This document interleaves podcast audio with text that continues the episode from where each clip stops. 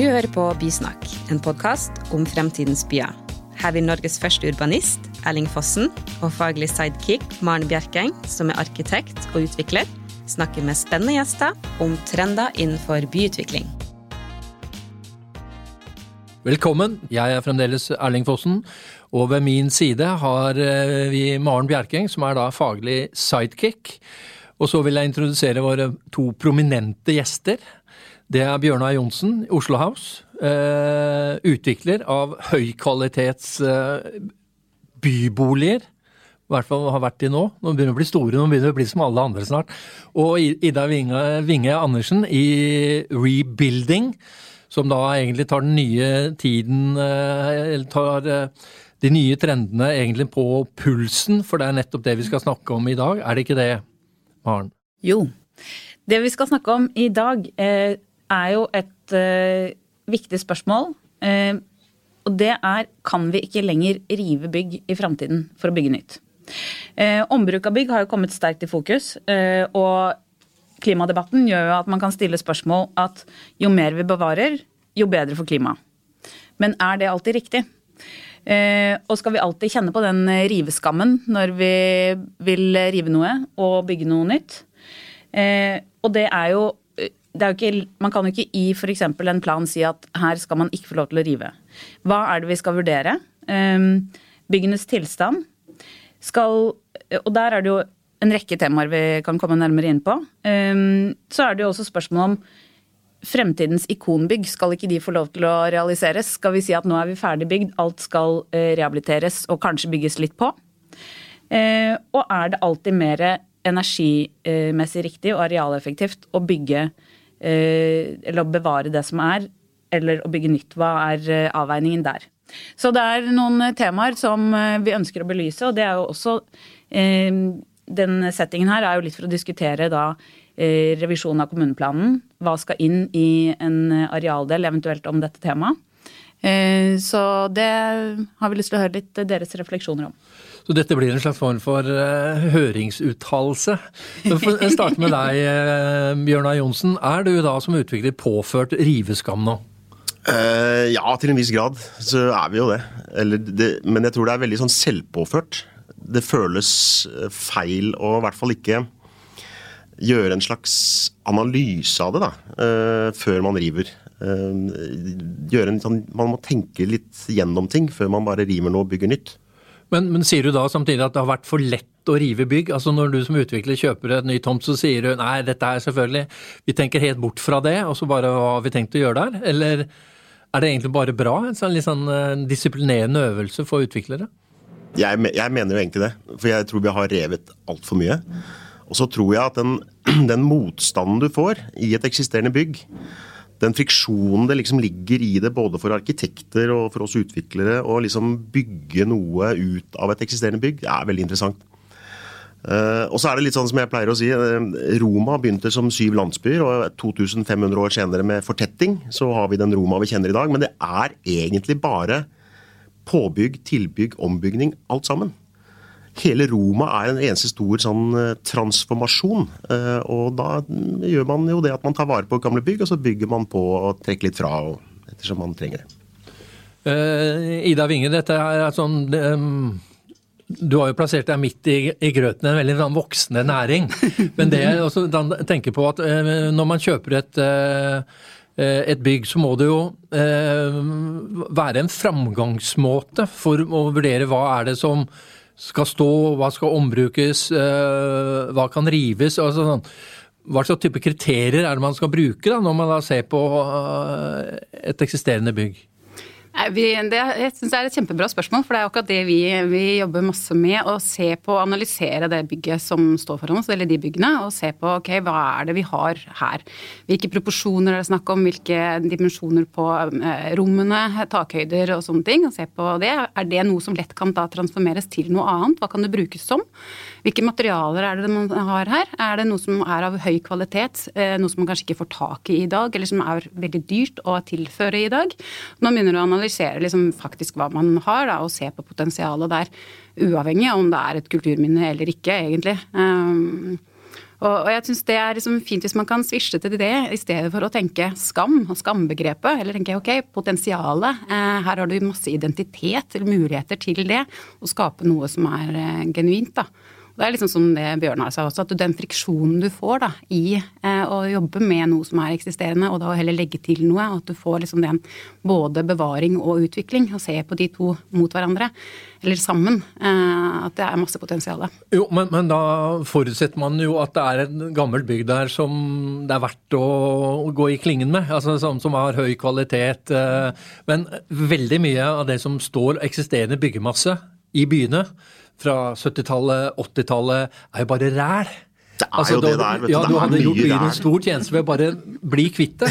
Men vi er nå i en situasjon hvor man da egentlig ikke kan få lov til å rive det av klimahensyn. Altså, eh, Antikvaren sier her er det ingen, ingen hensyn å ta, sånn kulturminnehensyn, men og så kommer da klimaetaten inn og bare sier at jeg får ikke lov til å rive dette her fordi CO2-utslippet Altså, Ser dere noe sånn uheldig ved den situasjonen her òg? Eller er det bare noe at nå river man eh, det som eh, er verdt å rive, og så tar man vare på det som er verdt å ta vare på? Det er ikke så enkelt. Nei, det er ikke så det er, det er ganske komplisert, faktisk. Altså, vi har jo to prosjekter gående nå, eh, som begge har hatt eksisterende gamle bygg på seg. Hvor det ene har vi tatt vare på byggene og bygget de om og bygget på. Og i det andre eksempelet så river vi. Eh, og egentlig så er det andre eksempelet hadde vært kanskje mer interessant å ta vare på på en måte, for det er det gamle sånn Knut Knutsen-funkisbygg. Eh, Men det er altså ikke mulig å ta vare på det, for det ligger helt feil i byen. Altså Posisjoneringen av volumet er helt feil. Og så når du begynner å gå inn i bygget, så er det sånn at takhøyden er liksom altfor lav til å lage boliger av. Uh, måten det er liksom uh, Måten det er bygget på og armert på, gjør at du klarer liksom ikke å kutte i den betongen uten at alt rammer sammen. Uh, og så skal du begynne å pakke det inn med, med, dagens energikrav, og så er det jo ikke noe igjen av fasaden. Altså Det er masse sånne ting som gjør at liksom, du sitter igjen med sånn ah, denne må vi faktisk rive. Um, så det er jo det er både og. Uh, og det er ikke lett å ta vare på ting. Det kan sikkert Ida mye mer om. Men bare ta et konkret case. Uh, I Oslo nå så kommer da Via, via Vika opp, som da var Russeløkveien 26. Uh, det er jo mange, noen jeg sier ikke mange. Noen sier da at det skulle aldri vært revet, for det er så mye betong i det. Uh, og det, du får ikke da det regnskapet til å gå opp. Men altså, alle som har vært inni der, det er ganske kjipe bygg med, med, sånne dype korridorer. Men hva mener du, Ida?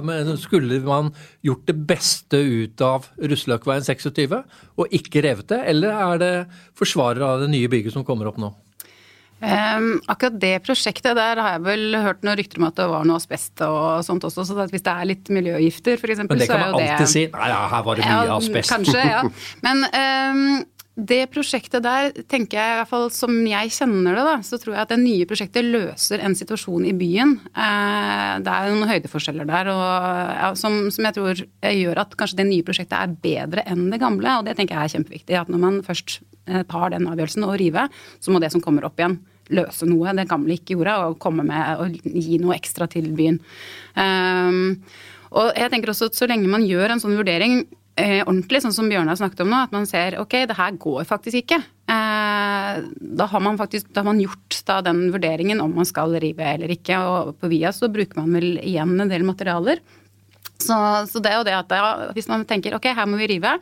Ja, hva gjør vi da med det som, eh, som man river? Eh, og hva er det man legger til, tenker jeg også er et kjempeviktig aspekt. Ja, men, men, her blir dere plutselig arkitekter. altså sånn, Nå er jeg leder av Klimaetaten.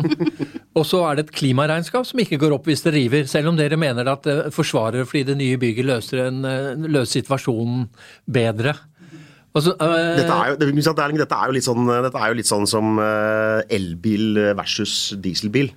Dieselbilen mye, bruker mye mindre CO2 å produsere, og elbilen bruker du mer CO2 for å produsere. Men etter hvert, over tid, så vil elbilen være mye mer eh, fornuftig. Og det er litt sånn med nye bygg òg. At hvis du lager et helt nytt bygg med et mye, mye bedre energiregnskap enn det gamle bygget, så vil jo, selv om du river, så vil jo det nye bygget øh, til sammen og etter 50 år 50 kanskje år, ha en bedre CO2-bane. da, ikke sant? Men det kommer an på hvor lang tid du regner. da. Skal du regne 50 år på et bygg, eller 100 år på et bygg? eller skal du... Ja, hva, hva gjør dere, Maren, eh, som Nei, utviklere? Jeg, jeg kan jo eh, både svare for eh, som tidligere leietager i, i Rusløkveien 26, og uh, nå uh, på utviklersiden. Så tenker jeg at det å gjøre nettopp den grundige vurderingen, og så handler det også nå om hvor mange mennesker er det man da uh, får inn i et uh, nytt bygg sammenlignet med det gamle, og hva er det som faktisk kan gjenbrukes. Så hvis man i praksis må uh, sanere asbest og bytte ut alle tekniske anlegg, og bygget likevel har for lav takhøyde og en dårlig planløsning, da er det på en måte noe med hva kan man da få ut av å bygge nytt, og være veldig bevisst på det. Og så tror jeg at Ida, du kan jo kanskje si også litt om det med forskjellige, for det har jo du sett litt på, forskjellige tidsperioder og i forskjellige byområder, som er veldig interessant å se. For det er jo sant, noe fra tidlig 60-tall kan være kjempebra. Kommer man ut på 70-tallet, 80-tallet. Eh, men, men det å eh, heller bruke også den lærdommen til å eh, tenke hvordan skal vi bygge, frem, bygge fremtiden. For jo, vi bygger jo nå de byggene som skal bygges om om 30 år. Mm. og Det er også litt viktig å være bevisst på ikke bare hva vi gjør med de byggene vi allerede har. da. Mm. Så når man bygger noe nytt, så er det viktig å tenke på, på det. da. Mm. Ja, det, det, tenker jeg er liksom ja, Det å tenke at man, man, bygger La oss si en vått. Altså du, du, må ikke skreddersy for mye. Det må kunne være rom for transformasjon. Man må kunne endre bruk i det man, det man bygger. Og det er noe man kan se på fra Eh, ja, det var bygg fra 60-tallet, da. Som mye av det var mye mer generelt. Eh, og det, var, det er lettere å transformere, og så er det kanskje enda ikke eh, vern. Det vil si at da er det ikke like mye nostalgi heller, så da kan man også faktisk transformere og ikke bare gjøre de små, små grepene. Men så er det som du sier, når man kommer liksom nærmere dagens dato, når man begynte med totalentrepriser særlig, da, så skulle man jo være så utrolig rask og effektiv. Og mye av kvaliteten på det som ja, de byggeriene, da, det er ikke kjempebra. Og det er lave takhøyder, som du sier. og Eh, det er jo ting som vi har sett på også, det med lave takhøyder for kontor. Kanskje det er mye bedre for bolig, for da er det faktisk eh, bedre å bytte, bytte funksjon. Da. Så det er jo litt det også å se på, ok, hva er det som er optimal bruk av dette bygget eh, i dagens eh, situasjon. da. Men, men da tenker jeg, det er to ting. Også Bjørnar, det, det ene er jo da det vi bygger i dag. Altså Når det kommer en ny uh, Bjørnar og skal begynne å rote i byggene dine, er det sånn, legger du da inn en sånn type transformasjonspotensial? Altså, og hvordan gjør man det? Altså Hvordan lager man et bygg som i utgangspunktet også kan bli noe annet? Altså så Hvordan bygger du inn det? Ja, det, er, det, det er jo kjempeinteressant. Altså, for det, ikke sant, det er jo der du må lage de byggene så generelle da, og fleksible at, at du kan og det gjør vi jo ikke i dag. Eh, ikke sant? Det er jo veldig sånn skreddersøm eh, til bolig og til kontor og til andre ting. Så det blir, ikke, det blir, jo ikke lett å transformere de byggene vi bygger i dag, om 50 år. Eh, fordi de er så skreddersøm. Men jeg, så jeg tenker at en veldig viktig ting er jo å gjøre de mest mulig mm, generelle. Da, slik at nestemann kan ta over og bygge videre på og bygge det enda tettere. For om 50 år så skal vi jo bo mye tettere enn ikke sant, vi tenker nå. Så da må man bygge på lag tre. Men du sier at dere lager skreddersøm i dag som gjør at det blir umulig. Da, da vil da om 30 eller 50 år så må man rive byggene til Bjørnar Johnsen, da. Ja, det kan, eh, kan bli sånn, dessverre. Det kan bli sånn.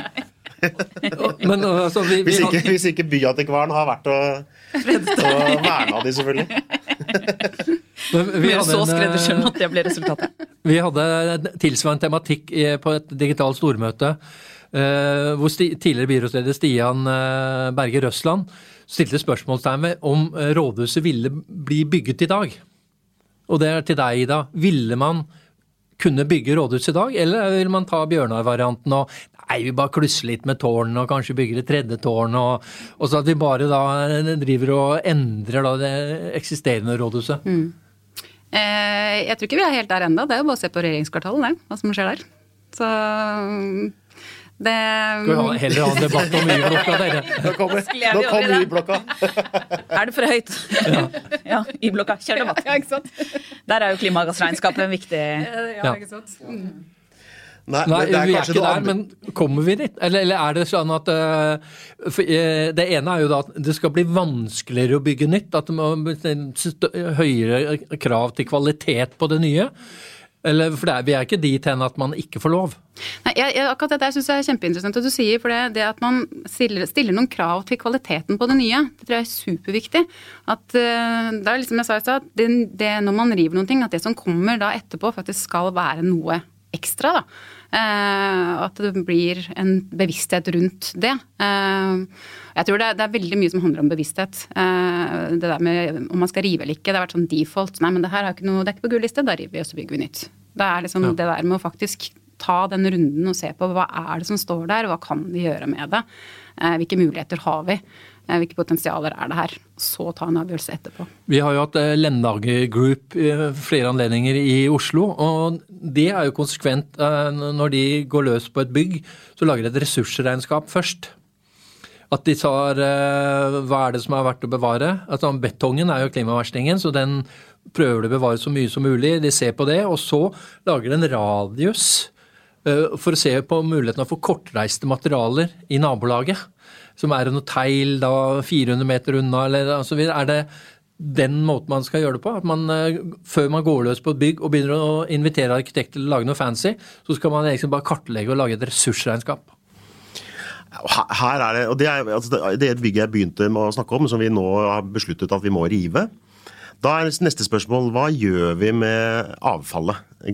Kan man gjenbruke ting? Kan man, eh, Og er, Der har vi ikke kommet langt nok. Altså, for du, du, blir jo ikke kvitt bygningsdeler. Det er jo ikke noe system for Altså, Vi har jo liksom 200 helt supre vinduer som eh, kan brukes sikkert til andre ting, men, eh, men du får ikke, du ikke, du får ikke gjenbrukt dem. For det er ikke et system for det. Ringer i sirkel. Og det må jo noen snart uh, gjøre. Lage det systemet. Men Sirkel har i hvert fall begynt med det. De vet jeg har jo kartlagt masse i regjeringskvartalet bl.a. Og de uh, jobber med en portal hvor de har masse byggevarer. Ja, hvor det har vært Jeg tror de begynte med at det var feilbestilling på byggeplass, rett og slett. At man hadde liksom 300 vinduer for mye som var feil. Og så, ja. ja.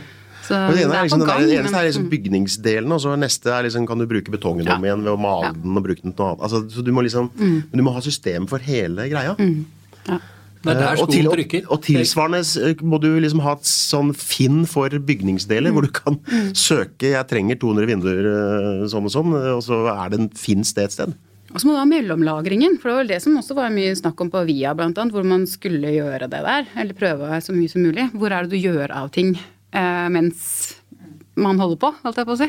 Det er jo en, en, diskusjon i mange prosjekter. hvor Man har de intensjonene, men så er det så det å se det i et større nettverk og se en større sammenheng. Og så tror jeg det må være mer Man må fokusere litt på den økonomiske oppsiden, eller gjøre litt business ut av det. At det kan ikke være for spesielt interessert som sitter på finn.no og søker etter uh, materialer. Du må gjøre det litt uh, større. Og der er jo f.eks. Norsk Gjenvinning gode på å utforske nye muligheter. Så jeg tror bransjen må gå litt sånn i i dialog med hverandre på tvers av fag mm. for å finne løsninger på det. Mm. Fordi der er vi vel også kommet ganske til kort. Eh, det er da å lage en forretningsplan som gjør at man eh, kan tjene penger på dette her. For ellers blir det jo bare for idealister og spesielt interesserte. Ja, ja. Eh, det, det, Kommer vi dit? Er det som ja, altså, må det offentlige, må det offentlige kanskje altså, begynne, da. Ja. Ja. Ta litt heil der, og så ja. At man bare egentlig bare skal skryte litt og få litt sånn omdømme en sånn grønnvasking med å bruke litt sånn gammelt heil noen steder. Ja. ja. Og skryte av det. Altså, og ja, litt av hensyn til miljøet, men at man også, for, Og som argument for å rive. At man tenker det er ikke så farlig. For jeg tenker basic. Altså, en utvikler kan godt tenke miljøvennlig, men det skal ikke koste dem noe. Du bør ikke tjene penger på det heller, men du må i hvert fall ha en forretningsmodell som gjør at du reduserer klimautslippene, men du må gå i null økonomisk. Og der mm. er vi ikke. Der er vi ikke helt. Og det, og det er jo litt sånn, vi som driver med bolig, da, vi er jo litt sånn jeg tror etter hvert nå at vi ser at kundene er villige til å betale for miljøtiltak når de kjøper en bolig. Men det har jo ikke vært sånn fram til nå. Det er gjort masse studier rundt det, og en, boligkjøper er jo fram til nå ikke, har ikke, vært villig til å betale ekstra da, for, for, klimatiltak. ikke sant? Og Det er jo litt utfordrende. Men det er jo helt annerledes med næringsbygg. Der er jo selskapet villig til å betale for klimatiltakene. ikke sant?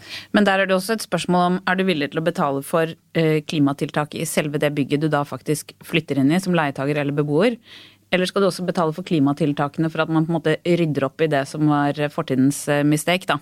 Ikke sant? Hvis du river et dårlig bygg fra 80-tallet, og det kommer inn i kostnadene, så har man jo et Det er noe annet å si at jeg flytter inn i massivtre, eller det her har vi brukt i Ja, sånn, ja, nei, det skjønner jeg. Nei, det kan, det kan du Nei, ikke pålegge kjøperen. Jeg tror ingen er- Det var litt ledende spørsmål, men, eh, men det er det som er litt utfordringen, er jo at man har mye bygningsmasse som eh, du også har sett mye på, Ida, ikke sant? som delvis noe av det er, eh, kan brukes, og mye er ikke så bra. Og hva, hvordan forholder vi oss til det? Jeg tror det er litt nøkkelspørsmålet. Ja, det er jo, det er som Erling sa tidligere også, at det er jo veldig mange av byggene eh, som kommer til å vi måtte se på, er jo nye. Altså, vi jobber med et bygg fra 2008. Altså, det er jo ikke snakk om å rive. Det er jo, men da begynner vi å se på ok, kan vi flytte dekker. Kan vi, hvilke grep kan vi gjøre da, eh, for å liksom eh, eh, få det til å bli noe bedre. Så ja. Ja.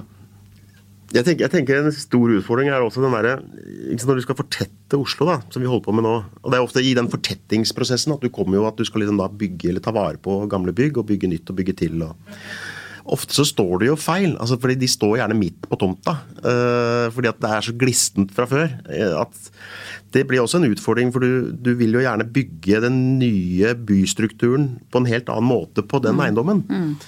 Uh, du får liksom ikke flytta det bygget heller. Eh, Men er så dette, hva gjør du da? Men er, er dette da, da skiftende trender, slik at det som er riktig plassering av bygg, var det, er blitt annerledes nå? Og så vil det endre seg igjen, slik at man til enhver tid bare flytter rundt eh, som legoblokker, byggene på en sånt, eller er det sånn? Er det Alt skal kunne demonteres. På men, men, altså, vi, vi må gå inn for landing, men jeg tenker også sånn eh, Det vi må lære oss å se, er egentlig at framtidens by at Det blir revet mindre, åpenbart, men at vi får mye mer sånn eh, påbygging. At vi får sånn eh, skreddersøm i mye sterkere grad, slik at vi får mye sterkere fokus på byforedling. Er det sånn? Det er byforedling, og det er jo, jeg vet ikke om dere kjenner en, en Stuart Brand som har skrevet en bok som heter How Buildings Learn. Og det er jo sånn, eh, Der tar han en bygning, og så, så, er det, så følger han en bygning over 200 år, og så ser han hvordan den bygningen endrer seg hele tiden. ikke sant? Den blir stadig litt forfina og litt foredla og litt bedre. Til slutt at du kjenner du nesten ikke igjen, ikke sant? men det er en prosess. da. Så må, vi må venne oss til at byutvikling og bygging er prosesser. og Det er ikke liksom ferdig for evig alltid, men altså, du bygger på, og så fortsetter nestemann og nestemann. og Det er jo vakre siste ord, Maren. Eller? Eller? Eh, Det er vanskelig å toppe det Bjørnar Ja. fra nå. vi lar det ligge der. Ja. Jeg skulle Da- nøle litt, men da dropper jeg det. Da takker vi gjestene for at uh, dere kom, men uh, det har skapt noen gode bilder forhåpentligvis hos alle da som uh, hører på, om lærende bygg, og hvordan man da egentlig tenker som så at bygg utvikler seg kontinuerlig, også gjennom århundrer, og så skal man tenke seg Roma, som startet da som landsbyer, og som ble da den verdensbyen alle elsker nå. Takk for eh, at dere kom i studio, takk for at dere hørte på, og takk til deg, Maren, som ikke fikk lov til å nerde på slutten. Det, det må du, det skal du få lov til å ta igjen neste gang. Takk, takk. Takk, takk.